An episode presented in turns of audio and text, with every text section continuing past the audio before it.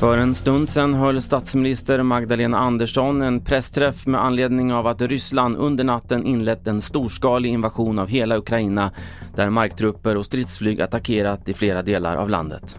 Den ryska invasionen av Ukraina är oprovocerad, olaglig och oförsvarlig.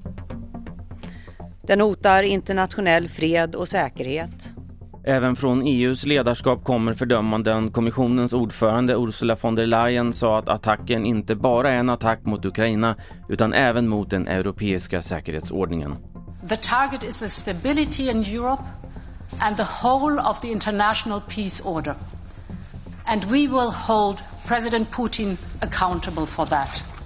Och det här påverkar också ekonomin där Asienbörserna lyser rött och Moskvabörsen kollapsar med 40% efter att ha varit handelsstoppad.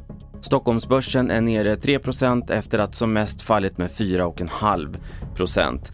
Fortsätt följa händelseutvecklingen på tv4.se. Jag heter Carl-Oskar Alsen.